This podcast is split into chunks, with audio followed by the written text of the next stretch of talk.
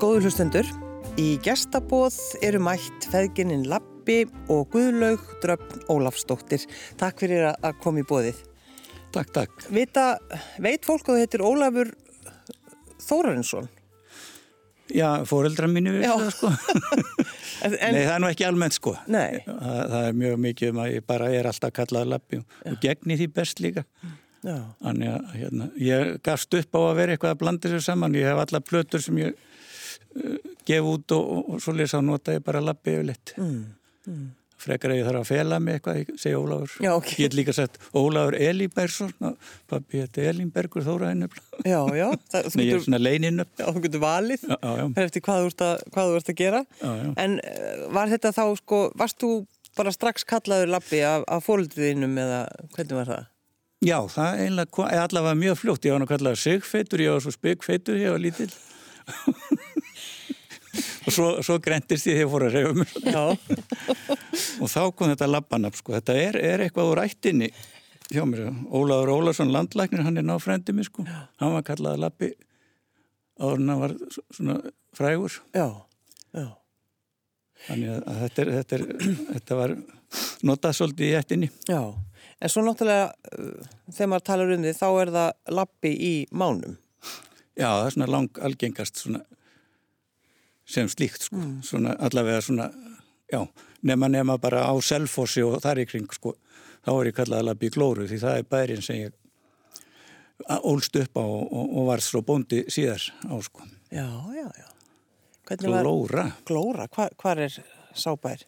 Þetta er rétt við selfoss, þetta er þarna á leiðinni nýri gölverabæðir upp og til er röngiriseppi sem sagt. Og vildur þegar þú ert ungur strákur, vildur verða bóndi? Nei, ég held ég hafa nú ekkert viljað þegar ég var ungur sko Mm. og þegar ég var innan við tvítu þá byrjaði að byggja ég hús á Selfossi sko þannig að það var nú stónu en svo var það nú fljótlega svona að maður sá þegar maður var komin og engin veit hvað áttu öfur sko að hérna þá fór að toga í mig sveitin aftur sko Já. þannig að þegar ég var svona komin undir þrítut að þá svona skellti ég mér í það aftur Varstu hissa á þeirri tilfinningu? Ha, Varstu hissa á þeirri tilfinningu? Nei, hún svona þróaðist þannig að það var nú ekkit svona, þetta var ekkit svona, kom ekkit allt í hennu við mig sko Nei. því að maður var að fara heim og svona og þá sá maður bara hvað þetta var gott og ég er líka búin að vesenast í þessu poppi og, og svalli og, og svínari í öllu saman þá einhvern veginn var þetta svona svolítið aflösn að komast í sveitina ég sá að þetta geti kannski bjargað mér eitthvað Og, og tókst það? Já, það er nú svona hefnaði svona langmestu leiti að hefnaðist nú ekki alveg í fyrstu tilraun En, en hvernig var sko að vera strákur í, og, og vera alast upp í sveit? Hver, hva, hvernig var það? það var nú að lang flestu leiti voða gott en ég reyndar sko yngstur af sískjunum og hérna gæti ekkert leiki við þau það, þau sögðu alltaf labba kallið svo vittlis að hann fær ekkert að vera með og hérna ég er búin að vera með minnum átt að kenda allt mitt líf alltaf að reyna að sanna mig eitthvað Ég get gert hluti. já, já, já, það hérna en þar að leiðandi sko ha- hafði ég sko ekki leikfélag þannig ég var voðalega mikið e- einn að leika mér heima, var bara einn með mömmu sko því hún var heima og pappi að vinna í mjölkubúnu Já. Þannig að, að maður þurfti að dunda sig en það reyndar sko, kendi mér að bjarga mér sko. Ég get smíðað og gert allan anskotan þannig að, að hérna, það stoppaði mig ekkert af því að ef ég með vantaði bíl eða eitthvað að þá bara smíðaði ég hann sko. Þannig að, að svona maður læriði svolítið á þess en ég held að þetta hafi nú bara langt mestuleiti verið til góðs. Og einveran kannski bara Já, já, maður er, er nú svolítið þumbari að það á ágætlega við mig þannig. Nei, mér langaði nú að vera með félögum þá sko. En svo núna finnst mér ágætt að COVID er og svona, bara verið eitt þarf ekki að... Guðlaug, hvenar vissir þú eða gerðið grein fyrir því að pappiðin uh, væri rockstjarna? Já, ég hérna ég, sko, ég held að einhverju leiti hafi ég vitað ung af því að, að því að sko að það það var svona oft verið að- að ræða þetta já, er þetta dóttir Lappa og er hún líkonum og ég var með frekjusgarð eins og hann sko og, en það, ég fekk teina og því var ítt saman þannig að, þannig að þetta var svona þannig að ég svona, ég einhvern veginn áttaði með á því að, að, hérna, að það var svona eitthvað hann var eitthvað svona þekktur eða eitthvað Já, eitthvað merkilegur já, þannig að ég hef bara verið ég er bara verið á grunnskóla aldri þegar þetta er. Mm. Hvar, var, hvar varst þú þá stattur í, í pop bransanum einmitt þegar... þegar Já, þá var ég eiginlega alveg sko þegar hún var náttúrulega eh, sko nýfætt og svoleiðis smákrakki sko þá var ég náttúrulega alveg á fullu í mánum og svoleiðis sko. Já. En svo var ég svona þegar hún var það stálparið þá, þá var það kaktus það var sem sagt 75 sem við svapnum kaktus sem tók við næstu sko tíu, mánu voru 10 ár fyrst frá 65 til 75 og þá byrjaði kaktus og það var til 85 sko. Súljónsvitt og, og þá áttur mútið tók við karma sko. Og svo karma. Og það var í 30 ár. Segir bóndin segir bóndin já, já. Að það var einmitt í, í, í sko kaktus þá, á, hérna, í desember þá, eða milli jól og nýjast þá var alltaf svona jólaböll í Hotel Selfossi. Já, og þar, þar voru þau að spila sko, ég er náttúrulega bara á ballinu og fekk svo að koma og syngja og, og svona, þannig að maður svona maður, ég sá hann aðeins í svona aksjón lítil bara, hinn lítil þó það hafi kannski ekki verið fyrir börn lang flest Nei, nei, mitt sko. En svo var hún alltaf talsveit í glóru líka sko þannig að en svo var hún alltaf í Vestmanni og Eirabakka og maður var gullinni svona hinga á þanga því að mamma bjóða á báðum stöðan sko svona sitt á hvað já, já. þannig að það er svona en svo vorum við sem betur verið heilmikið saman líka þannig að nú fegin því Já, Hva, hvað áttu mörg bönn? Já sko, fimm e, e, eitt, eitt fekk ég bónus stjúpdóttir mín sko þannig að hún er bara í ólan upp alveg frá byrjun eila þannig að hún er bara dóttir mín Já. en ekki, ekki blóðskild þannig að hérna, en það eru fimm stykki Og öll í tónlist eða hvað? Nei, það er nú eiginlega bara þessi tvö sem eru svona vinna við tónlist sko öll að var gaman á tónlist og svo leiðis en, en það er bara hérna Guðlu og svo Bassi Sónum sem fór líka að spila með mér og, og, og veru núna með stúdíu saman í hveragerði sem Já Þannig að sko eins og með þig Guðlaug, þegar þú náttúrulega gerir grein fyrir því að þú getur sungið. Vissur þú þá að þú ætlaði að bara hella þér út í, út í það allt saman og bara fara út í nám?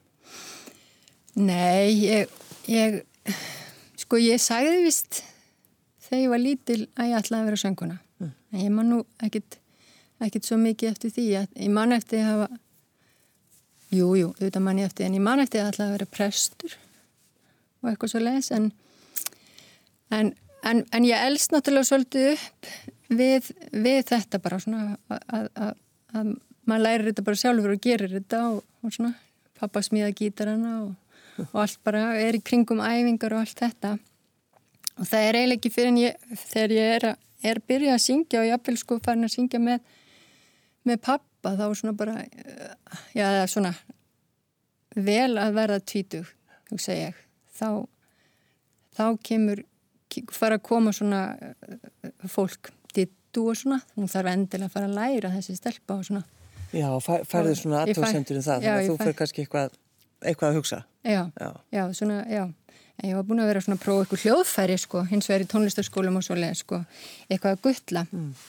en svona, já, þannig að þetta svona, það, í rauninni fer ég nám seint. Og og ég ætlaði raunin aldrei að fara í nám og klára það eitthvað svolítið, ég ætlaði bara, bara að fara eins og, og tjekka á þessu. Já. þannig að þetta hefur svona svolítið þetta bara þróaðist. Ekki með einhverjum sérstökum markmiðum þannig að en svo veit maður ekki, svo kannski kræmar eitthvað undir niður því að ég vist setti það eitthvað þegar út um mér, þegar teindamóðu minn mann vel eftir því að ég áður en ég byrjaði að læra eitthvað að ráði og að byrja að læra klassískan söngu eitthvað svo að rétt að byrja að það hafði ég sagt að mér langaði að vera kennari sem að henni fannst á þeim tímapunkti alveg fárlegt að því ég var nýbyrju eða var bara, þú veist, í ykkur fyrstu stígunum í klassísku söngnámi. Og, og, og, og segi þetta mér langaði að vera söngkennari. Ja. þannig að auðvitað er kannski, veist, eitthvað, eitthvað ímanni sem, sem leiðir þetta svona að þess að þetta sé svona skýr markmið. Mm. Þetta var sko alveg rosalegt afreg hjá henni að taka þetta nám þarna úti því hún hafði svona nánast engan grunn í það. Hún hafði verið að syngja á sviði og hún var ekkit búin að sko tilenga sér neitt hljóðfæri þannig. Hún spilaði á gítarsvoldi og svoleiðis en, en ekkit sem hún hafði lært á þannig að, að hún getur notað þess en grunn raunverulega í námi. En svo fer hún hérna og rullar þessu námi svona upp og svona langt og mikið að maður bara stóð gapandi yfir þessu og allir sem þekkt annað sko þetta var gríðalegt afreg Ég fór hérna í, til Haag í Hollandi, í konunglega konservatóriði þar. Ég skil ekkert í dag hvernig ég komst inn, sko. Þegar maður pælir í grunninum og allt það, sko. Þannig að það, það var kannski fólk hérna sem var búin að vera að læra heil mikið þegar það kemst inn í þennan skóla. já, allavega er það þannig í dag, sko, að hérna, það er, það er heilmikið mál að komast inn og jú, það hefur verið það, það held ég alltaf, alltaf alveg svona. Er þetta ekki alveg frábær skóli? Jú, geggjaður. Bara hérna, en hann er, hann er sko, þetta er jazz, þetta er þess að jazznám sem ég fór í og, og þessi skóli er svona þekktu fyrir þessi konunglegi tónlistaháskóli í Haag, hann er þekktur svona fyrir að vera traditional jazz. Þannig að hérna, þannig að þetta er svona afmarkað svolítið námið. Já, bara um leiðum að, þú veist, maður segir konunglegur eitthvað. Þá bara, og keikna maður í njánum Já, og réttir úr er mjög virðilegt, já. Og byggt á gömlum grunni og, og fallega byggingar og hvað, eða hvað? Sko, nei, byggingin, þessi bygging var alls ekki falleg, sko, Nei. og bara, bara eiginlega ef eitthvað er ljót og það er, stendur til og búið standa til að rífa hana og byggja nýjan, nýjan skóla. En ég, já, fá nýja staðsetningu fyrir hann, þannig að, þannig að ég get ekki satt hans í falleg, en hann þjónaði sínu. Já. Þannig að þú klárar þetta námið þitt þar Mm og, og hvað svo? Já, ég, ég fer fyrst í, veist, þetta bachelor próf og svo fer ég í, í mastersnám í, í djasöng og ég tek líka master í, í musikþíater. Sen kem ég hinga heim og fer að kenna við tónlistaskóla FIH og syngja og gá, gáði djasplödu og, og svo les. Já, og, og hérna er, já, kenni þar hvað ég FIH, kenni ég bara í fjölda fjölda ára, ég bara ekki alveg með það með ártölin, en, en síðan er, er stopnaður MIT, mentaskóli tónlist og þángar svona flýti ég svolítið yfir með nefndum mínum sem að voru komnir á, á hærra stig þegar, þegar sá skóli var stopnaður og, og FIH skólinn gaf þarna efstu stíðin sín yfir, þannig að þar kenn ég núna. Þannig að ég er orðin kennari eins og ég Þú, já, að það. Þa- Það sem hún, eh, sko, það sem menni dettur í huga að gera, hún, hún virðist gera það, er það ekki lappið? ég heldur betur sko. Já. en ég má nú til með að segja eitt smá brandara nefnilega þegar ég nefnilega hef alltaf verið með svona aðtiklisbrest hálgerðan sko, ég hef nú aldrei látið eitthvað meta með svo leið sko. Og hún hefur auðvitað barnið fengið fengi svona eitthvað hlut að þessu. Og þegar hún útskrifaðist þá fór ég til Hollands til að vera við, við statur og svo fórum við nokkra daga ferð þarna í Músildalinn og hérna kerðum þarna í gegnum öll löndin þarna. Og, og ég, við fengum okkur bílalegu bíl og ég kerði og hún var á kortinu frammi. Já. Og hún bent á hvort þetta að fara til að hægri eða vinstri og þegar hún allar að segja hægri þá segir hún vinstri en þegar það er sagt við mig þú ert að fara til vinstri og beigið til hægri þannig að þetta gekk upp þegar við vorum bæði Við komumst á við leiðarenda. komast á leðarenda viltust einu sinni held ég Já, þannig að þetta er bara fínt að það er tveir saman sko það, Já, það, það, það verður plús. já, já, það verður bara gengur upp Já, já, já. já. Og, og í hvaða leiðangur, hvað enduðu þið þar?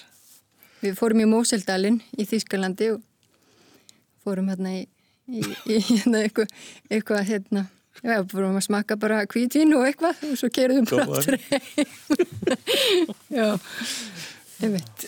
Já, þetta var bara svona smá, smá við ætlum að gera okkur bara aðeins. getum við sagt eins að brandara þarna á ráðs Já, já, Við því. það, við getum líka bara sleppt. Þið getur sleppt í, ég heyri það. þessi að hún vill, vill sleppa því Nei, nei, ég sé svipin á okkur, það er ímislegt sem er í gangi þar. En uh, við ætlum að í þessum þætti að, að hlusta á nokkuð lög. Uh, fyrsta lagið er Hugsað heim. já Hvaða lag er það? Þetta er nú lag sem ég sandi fyrir all mörgum árum og það er svolítið sniðut að segja frá því að hérna, þá frétti ég af því að hérna, Guðrún Gunnars hann vantaði lög á, á plötu og það er ekki út og ég hugsaði mér, ég hafi nú gaman að eiga eitt hjá þessari og, og samtið þetta lag og sagt, leta hann að hafa hvort hún vildi nota það sko. En það passaði nú ekki inn í dæmi þannig að, að það var nú ekki úr því sko. En, þannig að ég gemdi að þetta svona fór í skúfuna hjá öðrum sko og svo tó- tók ég þetta upp núna því að þetta hendaði Guðlógu líka mjög vel sko Þannig að þetta er svona fjallar um það sem sagt, þú við þvælumst um allan heiminn að, að frista gæfunar að þá hérna er hugurinn alltaf bundin við eskustöðvarnar sko. Þetta er svona, textin segir frá því þetta er. Þannig að þetta er svo sem ekkit stórmerkilegt. Við skulum leggja við hlustir.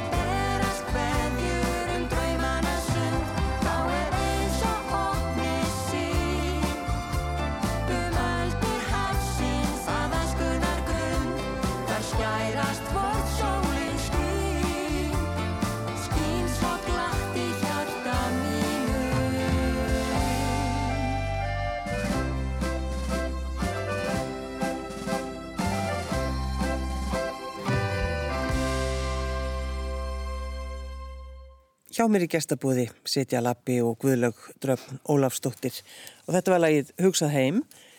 Uh, Lappi, varst að gefa út sagt, nýjan disk, er það ekki? Jú, jú, einmitt.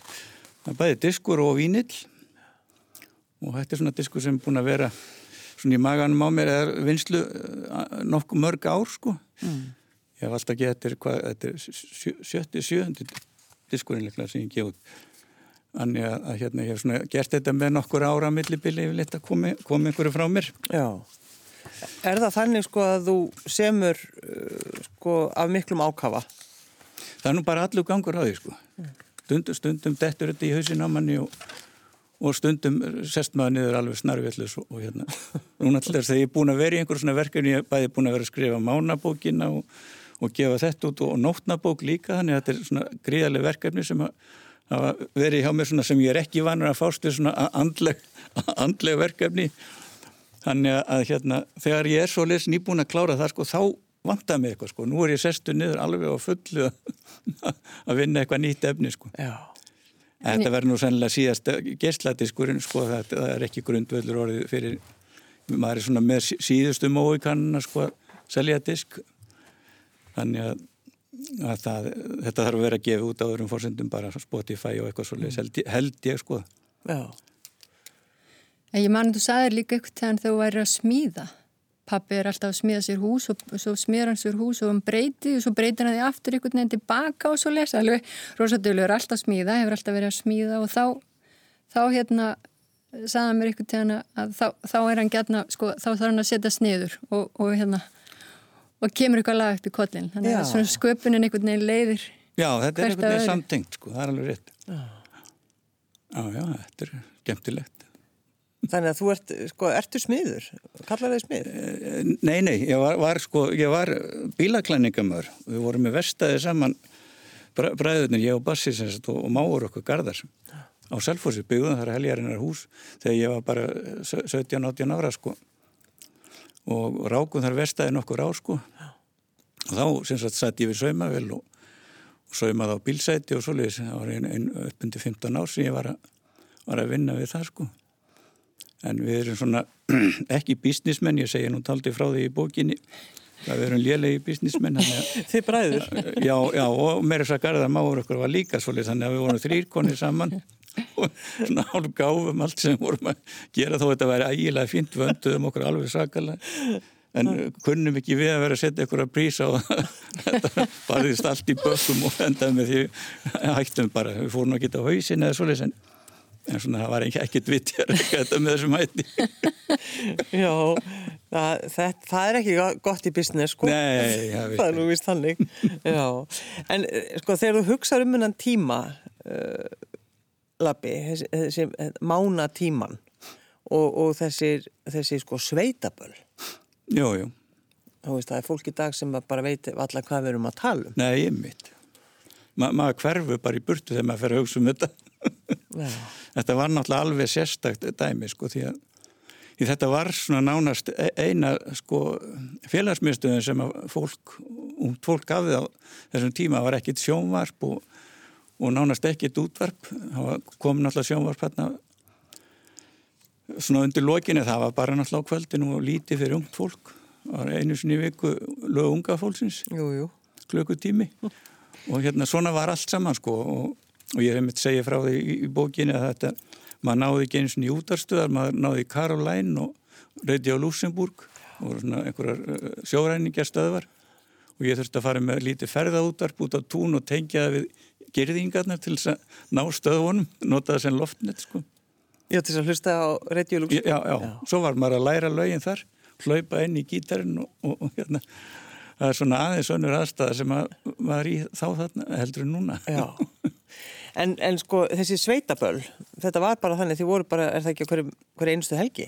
Jú, jú, þetta gekk bara alveg reynda allar helgar sko. Já.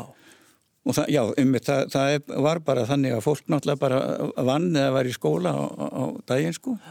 Og svo bara sveitaböllum kvöldinu, kvöld, kvöld, á um helgaseg. Já. Og þá hérna voru tekna sætaferðir, sumi tóku bara leigubíla, þá bara fóru með saman í leigubíl, samvegniðust um það og, og, og hérna Já, þetta var alveg frá kannski 500-600 manns upp í þúsund og meira sá dundum en þá meira og það komur út frá Keflavík, Akranesi, Stanúvík og Klöstri. Þetta kom að svo stóru svæði sko þannig, þannig að hérna Þannig að ég var að segja að þetta hefði verið svo gott sko að það er ekki skildleika rektun þegar fólki sem náði saman á þessum böllum sko. mjög fínt að koma á fleiri stöðum. Þetta var mjög góð blöndun á öllu saman. Sko. Já, nákvæmlega. En, en sko, músikinn sem þið spiliðið, voruð þið bara með ykkar eigið efni eða voruð þið að, að taka eitthvað annað? Nei, sko, við byrjuðum náttúrulega bara svona í svo vennileg bílaljónsitt og, og vorum bara með, en það var mjög fljótlega sem að við fórum Sava Gess hitt á okkur í, í hérna á tónleikum í Reykjavík þar sem við vorum að spila. Og hann bara vildi gefa okkur út á plötu og þá bara settist, fórum við heima að semja og, og við gáum fyrst út hérna 68 sko, þá kom fyrsta tekjalega platan með okkur. Og önnur hérna árið og eftir og svo tólaga plata sem við fórum um sem sagt upp úr 70 mm. og en sem sagt það var að, þetta var að þróast svo mikið og það er einmitt eitt af því sem ég alltaf vitni í þessari bók mína. En það er nefnilega að segja alla þessa sögu sko. Að svo þróast þetta svo mikið sko úr þessu bara að vera svona bílaljónsitt og svo fórum við að taka eigi efni og reyndar kóperuðum sko Deathrow, Tull, Júria, Hýp og Purple og allt þetta svona þessi þungu bönd sem þóttu þá sko. Já. og það var svo sniðut að sjá að við þróuðum músíkina til fólksins í leðinni að það, það svona smátt og smátt tók það þátt í þessu þetta var bara eins og þetta voru ekki lög sem voru dansvæn. En það bara stóð þarna kannski 700-800 manns og á, eins og á tónleikum bara og dillaði sér með. Og þetta var bara svo ótrúlega stemning að maður bara skilur þetta ekki enn þann dag í dag sko hvernig þetta átti sér stað svona mikil sevjun sem varð Já.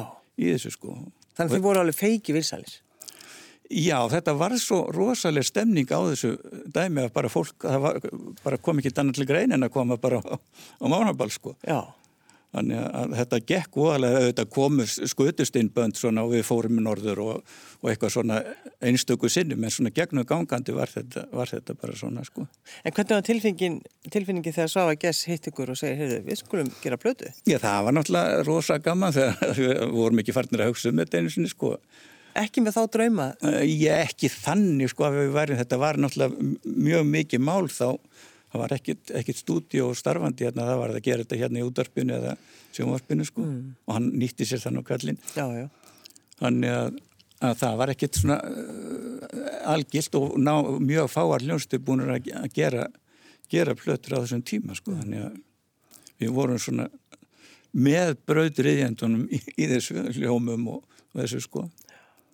Þannig að þetta var alveg bara í starthólunum þarna. En ég var nú, við vorum með sko eitt frumsami lag á þessum tónleikum sem ég hafi gert sko, þannig að, að við vorum byrjaðið að semja og svona sko. Já. Sko það er mynd af ykkur hérna framann á bókinniðinni, Mánar og Saga Sunnlenskra Sveitaballa að lappaði gegnum ferilinn. Já, já, hljóðarsins fylgstu. Jú, jú, og það er náttúrulega þessi ótrúlega mynd af hljómsveitinni. Já, Ég veit ekki eins og þið, hvað þið eru þarna. Þetta er alveg því líkir töffarar. þetta er það, þið kallið þetta ekki, þetta er svartaplattan eða hvað? Jú, jú, kallið þetta. Þetta var svona þegar. Sko, það fóru sko, það voru mjög margir í hljómsveitinni í gegnum tíðina. Mm. En þetta var svona langt sterkasta tímabilið sem við vorum á þarna sko. Mm. Þannig að, já. Þegar þú horfir, Labi, þú horfir á þessa mynd, hvað hugsaðu? Gassalerðið sæti Nei, þetta var óalega vel hefnu mynd sko ég held að það verið Jón Kaldal eitthvað myndatökumöður sem tók þetta var á hverfi skutinni og hérna og tók fleiri myndir á okkur það voru alla mjög, mjög flottar hún sko. mm. þannig að já, hún var bara virkilega vel hefnu þannig að við notum hana bara ef við erum eitthvað, við höfum náttúrulega gert svona hljómleika svona upprifinu tónleika sko Já. þá er þessi náttúrulega alltaf notu bara þetta er langt sterkur svona fólk veriðist bara taka eftir henni sko. Já, dusta ríkja þess Já, já það er alltaf eiga hana alveg fram í rauðan döða Jú, jú, jú, jú. Uh, Næsta lag sem við ætlum að hlusta á það er Littla barn Já Hvaða lag er það? Já, þetta er nú bara lag sem ég samtir svona, ég, svona, maður, svona þegar maður fer að eldast að þá fer maður að hugsa svo mikið um þetta hvað er dýrmætast hjá manni og þá er það náttúrulega bæði börnin manns og, og, og öll börn bara. Og bara hugað græsrótinni og því og ég er bara syngja til barna heimsins þarna. Og þetta er svona bæn til þeirra svona hálfgerð, eða orsk ef, ef fólk má ekki heyra bæn þá getur það að kalla orsk líka. Þannig að þetta er nú bara svoleið svona lítið og stutt en, og ég fekk náttúrulega guðlögulega að syngja þetta með mér hún kemur inn í setni hlutanum hún er búin að syngja með mér heilmikið og náttúrulega hún byrjaði að syngja sko að því þau voru að tala um það áðan að hvernig hún hefði byrjaði að syngja, hún byrjaði bara að syngja þá hún skreiði upp úr vöggunni því hún var búin að vera syngjandi alltaf reynd sko bara stanslögt og hún var að vinna einhver staðar og meirist þegar við erum að bora það á syngur hún sko. Við skulum hlusta þetta lag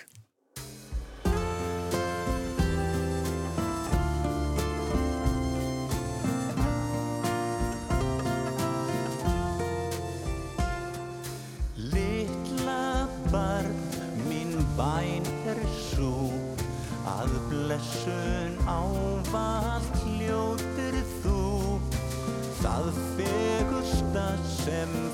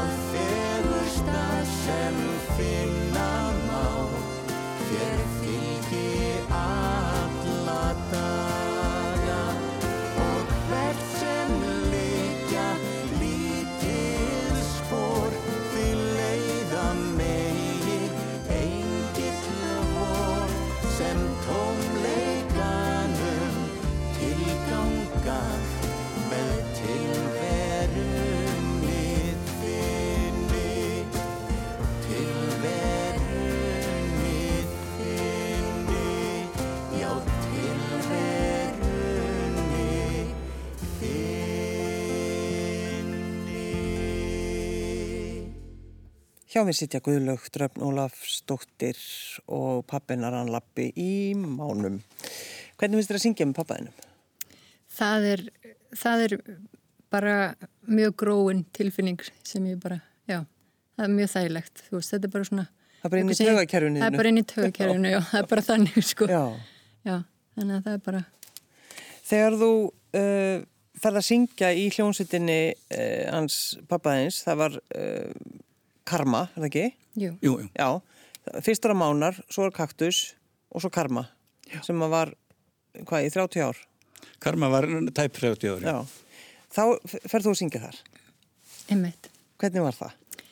Það var, það var mjög spennandi og hérna, ég hafði náttúrulega verið eitthvað að syngja áður ég bjóð þá í Væsmannum, ég er alveg mikið upp þar, sko. Og hafði verið að, að syngja þar með hljómsveitum Mm.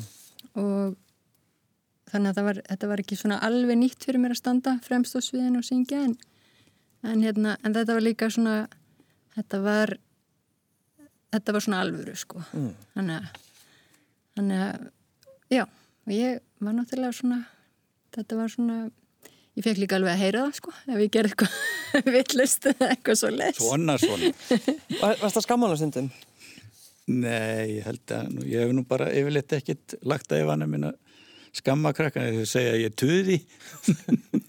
ég er svolítið gætna það en ég held að sé, hef ég skammaði eitthvað tíma? Nei, nei, þú skammaði mig ekki neitt. Það ég fekk að heyra bara, þú veist, þú þarft að vera ákveðnar og einkominu og, og, og, og, Ég má þú náttúrulega segja til. og svo leiðin, sko, þú veist, það bara, ég, og Hanna væri nú. Já, svona Já. bara, já, þannig að ég segi, ég segi alltaf að þetta hafi verið fyrst skólinn minn, sko. Já, að, Þetta að, var minn grunn tónlistaskóli, það var þarna þessi, þessi, já, þessi vettfangur og, ég meina þetta var grunnurinn, þú komst inn í tónlistarháskóla, konunglegan. já, já, ég veit. En það er líka, það er svona smá skemmtilegt. Fyrsta legin náttúrulega nafnið, Karma. Það er heitur um manniðinn. Já, einmitt. Það er alveg horrið. Já, segðu hvað eins frá því. Já, um, já, það er bara svona þróast, sko. Við náttúrulega bara, já, sko, einmitt. Ég var náttúrulega fyrst skotin í honum þegar ég var bara lítil, sko. Þá var hann byrjar í hljómsveit. Hann heiti Vigni Þór Stefánsson. Ég var í kór á Selfossi og hann var að spila með hljómsveit sem hétt Trinity. Trinity og var sérst að spila undir. Það var Þorparinnars Magga Eiríks, eða ekki rétt? Jú, jú, jú.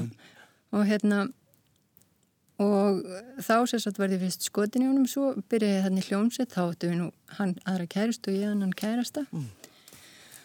Og síðan bara einhverjum árum setna þegar, þegar við erum bæðið að lausa þá, þá smellum við saman. Við erum kæristu par og, og hjón í dag og fórum þarna í þetta nám saman. Hann er sérsagt píjánuleikari og lærði jazzpíjánu og svo les en, en hann var náttúrulega búin að vera í tónlistaskóla alveg frá því að hann var lítill sko. Mm. Við stóðum nú ekki í jafnfættis Nei, í en, byrjun þess náms. já, en Lappi, þú ræður hann í hljómsveitina. Já, já, þá var hann bara 17 ára sko. Já. En orðin alveg geysilega flinkur, þetta er mi mikill talent drengurinn sko. Þannig að, hérna, já, já, og það er kannski svolítið fyndið að segja þegar sko, hún kom svo í hljómsveitina á eftir honum svolítið. Var það ekki? Jú, Jú, já. einmitt. Og þá hérna vorum við að fara út á land og svona og ég sá að var eitthvað, eitthvað svona komin eitthvað smá klampi þá leti hann að sofa inn í á mér þegar við þurftum að sofa eitthvað stóð. Ég vildi svona aðeins treyna þetta. Já, þú verður að hafa stjórn á þínu fólki. vitlissu hérna. Tvekkja manna herbyggi, já Guðlug, þú eru hjá mér. Já, þetta er svolítið gott. Já, já, það er að passa upp á hlutin. Jú, jú.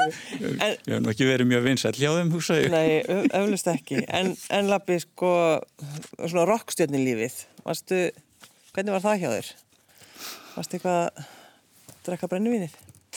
Já, já, ég var bara fyllir eftir á, á tímabili, sko. Já. Og svona ekki kringum þetta, en, en það var samt, sko, við lögðum alltaf svo mikil metnað í, í tónlistina að maður, eh, sko, var aldrei eitthvað að myndi, sko, spila eitthvað inn í það, sem við pössuðum alltaf svona nána stunduntekningalöst að það færi ekkit saman hann eða myndi skada eitthvað eða svoleið sko en það var, já já þetta var bara svona eins og gengur og gerist hjá mönnum að þetta er svona smá þróast og ég er svolítið gætna að gera allt svolítið mikið sem ég geri þannig að það var bara alveg eins í þessu. En, en svona þetta slapp allt saman fyrir hot sko en, en, en alls ekki gott sko, náttúrulega allt og miklu penningar og orka sem fór í þetta sérstaklega þegar vorum sko uh, sko atvinnumenn vorum það nokkur ár sko. Og þá var, var svolítið, voru svolítið góðir frítímar sko. Já, á milli. þeir voru gætna nota, notar í, í svona. Já. Voru, voru stopnaðar svona einhverjir, einhverjir svona grúpur í kringum þig ykkur?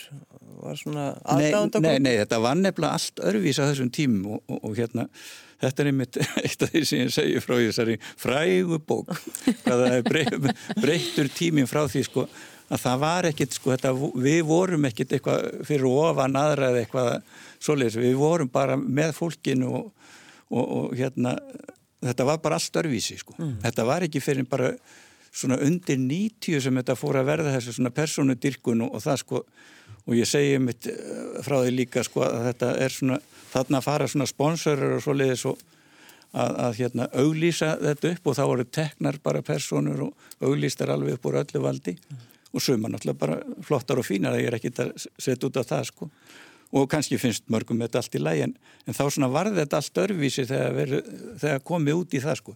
En á þessum tíma sko það var reyndar Björki Haldur svo svona var svona rockstjarnar hérna sko Jú, jú. og var svona ve- vel fyrir ofan meðalægið en við vorum bara aldrei neitt í því sko. Þetta var ekki tannig og maður bara tók ekki þátt í því eða var eitthvað, þú veist, eitthvað eldamann eða eitthvað svoleiðis að það var ekkert, ekkert svoleiðis. Voru slagsmál á sveitabellunum þegar að mánar voru að spila? Já, það var það sko, en það var nú ekkert algengt sko, en það kom upp böl sko sem að, sem að voru mjög róstursum sko og bara mikið læti og, og svo leið þannig að það er ímsa sögur í kringum þetta sem að Þú, ekkert hent ykkur ofan í það?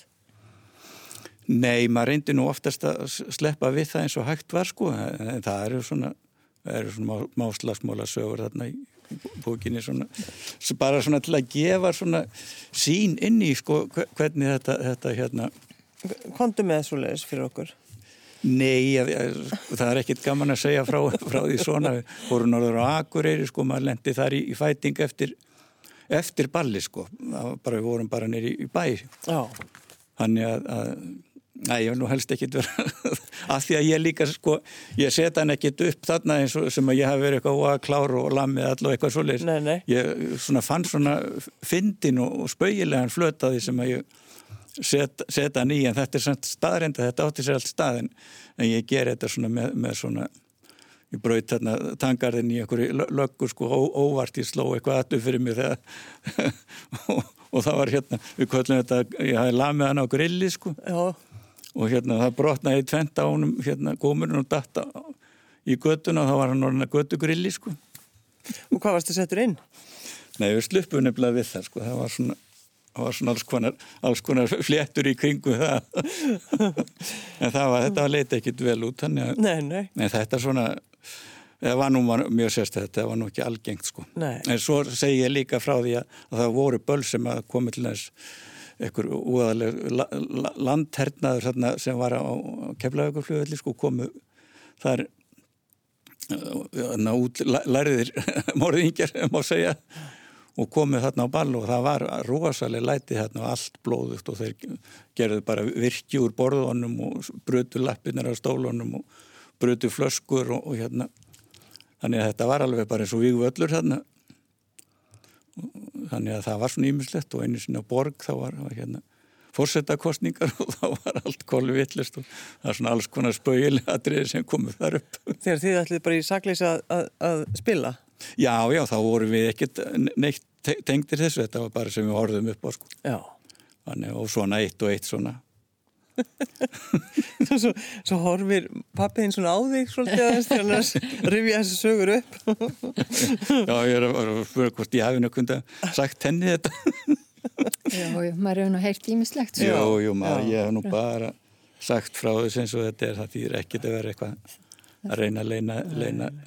Hvað? Já. Það var þurft, oft í hljómsveiturútunni sko, þá, þá þurftu við eitthvað skemmt efni, þetta, þetta er náttúrulega sko, það er langt síðan að það voru ekki iPadar og allt það sem er til, þannig að það, það við nærðumst svolítið á gömlum sögum sko, af þessum, þessum hérna, tíma og svona og ímsu, þannig að Var það, þær allar. já, var það þeir voru í, í, í karma? Í Karma, já.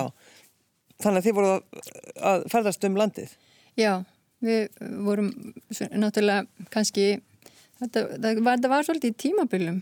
Já, það var svona stundu sem við fórum svolítið en Já, sko í karma, þá, við vorum ekkert, við fórum víða þar sko, þetta voru mánar sem voru svona alveg Staðbundið, bara já. Já, við, við svæði sko. Já, en svo mjónstunnar og eftir þær voru að fara út um allt sko. Já. En þó, þó við hefum svona, það væri svona heimavöllurinn hjá okkur svolítið og við heldum því svolítið áfram en, en fórum við það sko. Já. Við vorum einhvern svo karma mikið hérna í Reykjavík og, og Players og Kaffi Reykjavík og Hotel Íslandi og, og, og Ömmu Lú og svona alls konar stöðum sko. Við vorum að fara að sletta norður á tímabili manni. Já, já, já. Þannig að það var, var heilmikið ferðast. Já. Mjög gaman. Fæstu gaman að taka þátt í þessu? Guðlaug? Já, það er bara algjörlega. Þetta, þetta var, þú veist, þetta var, ég er þarna um tvítugt sko og þetta, þessir hljómsvita meðlumir voru bara mínu nánustu vinnir og þetta voru náttúrulega bara svona eins og, eins og önnur fjölskylda, kannski, já, fjölskylda en, en já, á, hérna, þannig var það bara. Já. Þannig að þetta var, þetta er bara mjög, þetta er manni mjög kært sko. Já, já. Með pappaðin sem eh, passaði upp á þig. Já, já, einmitt, Já, já. En Til þess eru pappar líka. Já, já, ég held það. einmitt. Já, það er svolítið svona sniðut að segja líka frá því sko að Vignir maðurinn hennar þegar hann var þarna úti, hann var búin að spila þarna svona lengi og með okkur byrjaði 17 ára og hann þarf að spila sko, við tókum að okkur gömludansa og svolítið á þorrablótum og höfum að spila bara allt, dinner stundum fyrir og svolítið sko. Þegar hann fer út þá er hann búin að fara í gegnum þennan pakka. Og þegar hann kemur þar sko í þennan skóla sem eru sprenglærðir menn þá var hann alltaf valinn til að spila undir söngleiki og allt svo leiðis því að þeir voru bara bundni við nótur og svo leiðis að hann gætt spila allt eftir eirun og lang þægilegast í maðurinn og hafði nóga að gera þar sko og var tekin fram yfir einhverja ógulega spekulenta þar sko sem var svolítið skemmtilegt en það var bara út af að vera búin að gangi í gegnum þetta, þetta program sko. Já, já. Og uh, ferðast í rútunni. Allt sem Og gerist já, tala nú ekki um sko Nú ekki gleyma því. kom honum ekkert á óvart Nei, nei, nei. Svolítið þannig. Það er svolítið þannig. Eh.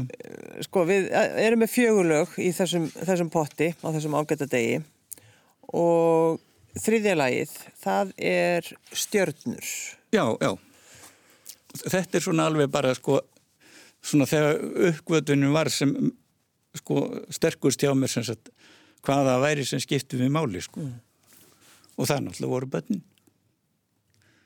Og ég bara samdi lagum þau. Ég hef klökkur því að segja þetta.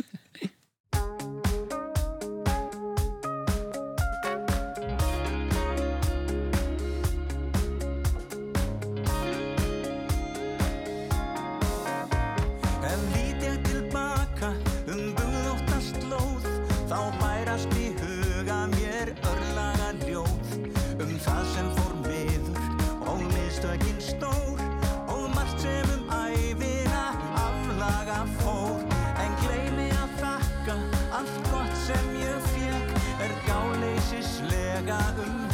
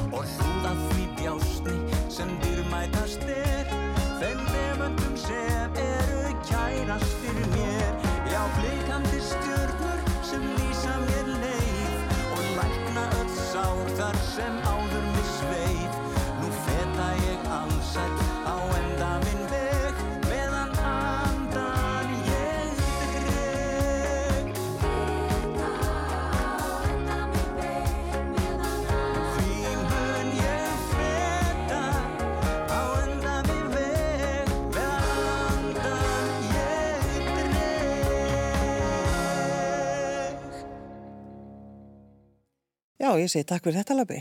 Það var fallið lag. Takk fyrir það. Já. Eh, Hafið þið alltaf verið vinir? Vinnir? Já. Já, ég hef alltaf verið vinnur barnana minna. Já, já, Þetta hafi algjörlega. aldrei. Aldrei slest upp á þann vinskap. Það er mikilvægt. Já, það er það. Mjög mikilvægt. Og það er, það er bara þannig. Það er bara, þessi pappi er þannig að ef eitthvað bjátar á þá, þá ringi maður í hann. Þannig að, þannig að það hefur alltaf verið þannig. Já. Já, já, þetta er bara, þetta er hlutverkið okkar. Já, það er svolítið þannig. Af hverju hættu mánar? Þa- Það var, var nú bara, þetta var bara svona eiginlega búið, sko. Þetta var að breytast svo mikið músíkin. Það var svona að taka við alls konar. Því eins og ég sagði þér að við vorum í þessum mikla þunga, þungu músík, sko, ro- rocki og róli, sko. Já, já. Og þarna spröttu upp Lonely Blue Boys og, og hvað- eitthvað, svona hljómsveitir sem voru að spila bara eitthvað djöng svona, þannig sem við kvölluðum þá. Þetta var þetta vöndum músíkjaðum og allt og Já, vel gerð og En, en svona lög sem að sem að krö- kröfðust ekki og þá sáum við það, sko, þetta var svolítið sniðut að fylgjast með því og við náttúrulega uh, sko, vorum ekkit hreifnir að þess að þetta skildi breyta svona en, en þarna sá maður að fólk var orðið aðeins þreytt á að þurfa að einbytta sér svona rosalega á ballónum sko. Það var feið það, og Steini Spil náttúrulega kom þarna með svona léttleikan alveg hendur tríó sko og hérna og þá sá maður að fólk að gaman bara lalalala og þá bara dætti þetta svolítið í það og þá var bara okkar verkefni lokið sko. Þannig að, þannig að, að, að það var bara langt sniðvart að hætta sko. Já. Það er svolítið þannig, en þú ert sem sagt auðvitað búin að vera að rifja þessa sögu upp með því að skrifa uh, bókina um mána. Að Já. Bara þetta að, að þessi saga týnist ekki. Já, einmitt bara hún sér til sko. Já. að ég hef ekki síðan að neinstar ekki þess, þe- þennan þáttin af henni sko. Hvernig varst þér að lesa bókina? Guðlaug? Mér fannst það, mér fannst það náttúrulega alveg, alveg frábært og, og náttúrulega svo- svona eitt og annað sem, sem ég var svona að sjá í fyrsta skiptið og svo kannast maður nú einhverja, einhverja sögurnar sko, en það náttúrulega kannski sem ég fannst merkilegast var þú veist að, að vera að lesa bók eftir pappa minn því að þetta er náttúrulega ekki eins og þetta sé, þú veist, það sé einhverja bækur sem hann hefur skrifað í stöflum sko. Þannig að það var kannski svona að merkilegasta fyrir mér. Já. Loka lagið, áður en ég sendi ykkur út í daginn. Já, ég held að það verði svolítið gaman að þetta er lag sem kom út á svona Selfoss-plötu sem var gefin út eh, 78 á Selfossi með svona samsafna af ýmsum. Og þetta var svona fyrsta sólóverkefni mitt. Ég söng þarna alla rattir og allt sjálfur í því þegar það var gert sko, söngaði í falsettu. Já, já, og hérna, já, já, það var ægilega flott. Millir sem smíðaður hús og gítara og, Já, já, þá söngi ég í falsettu. Og söngst í falsettu.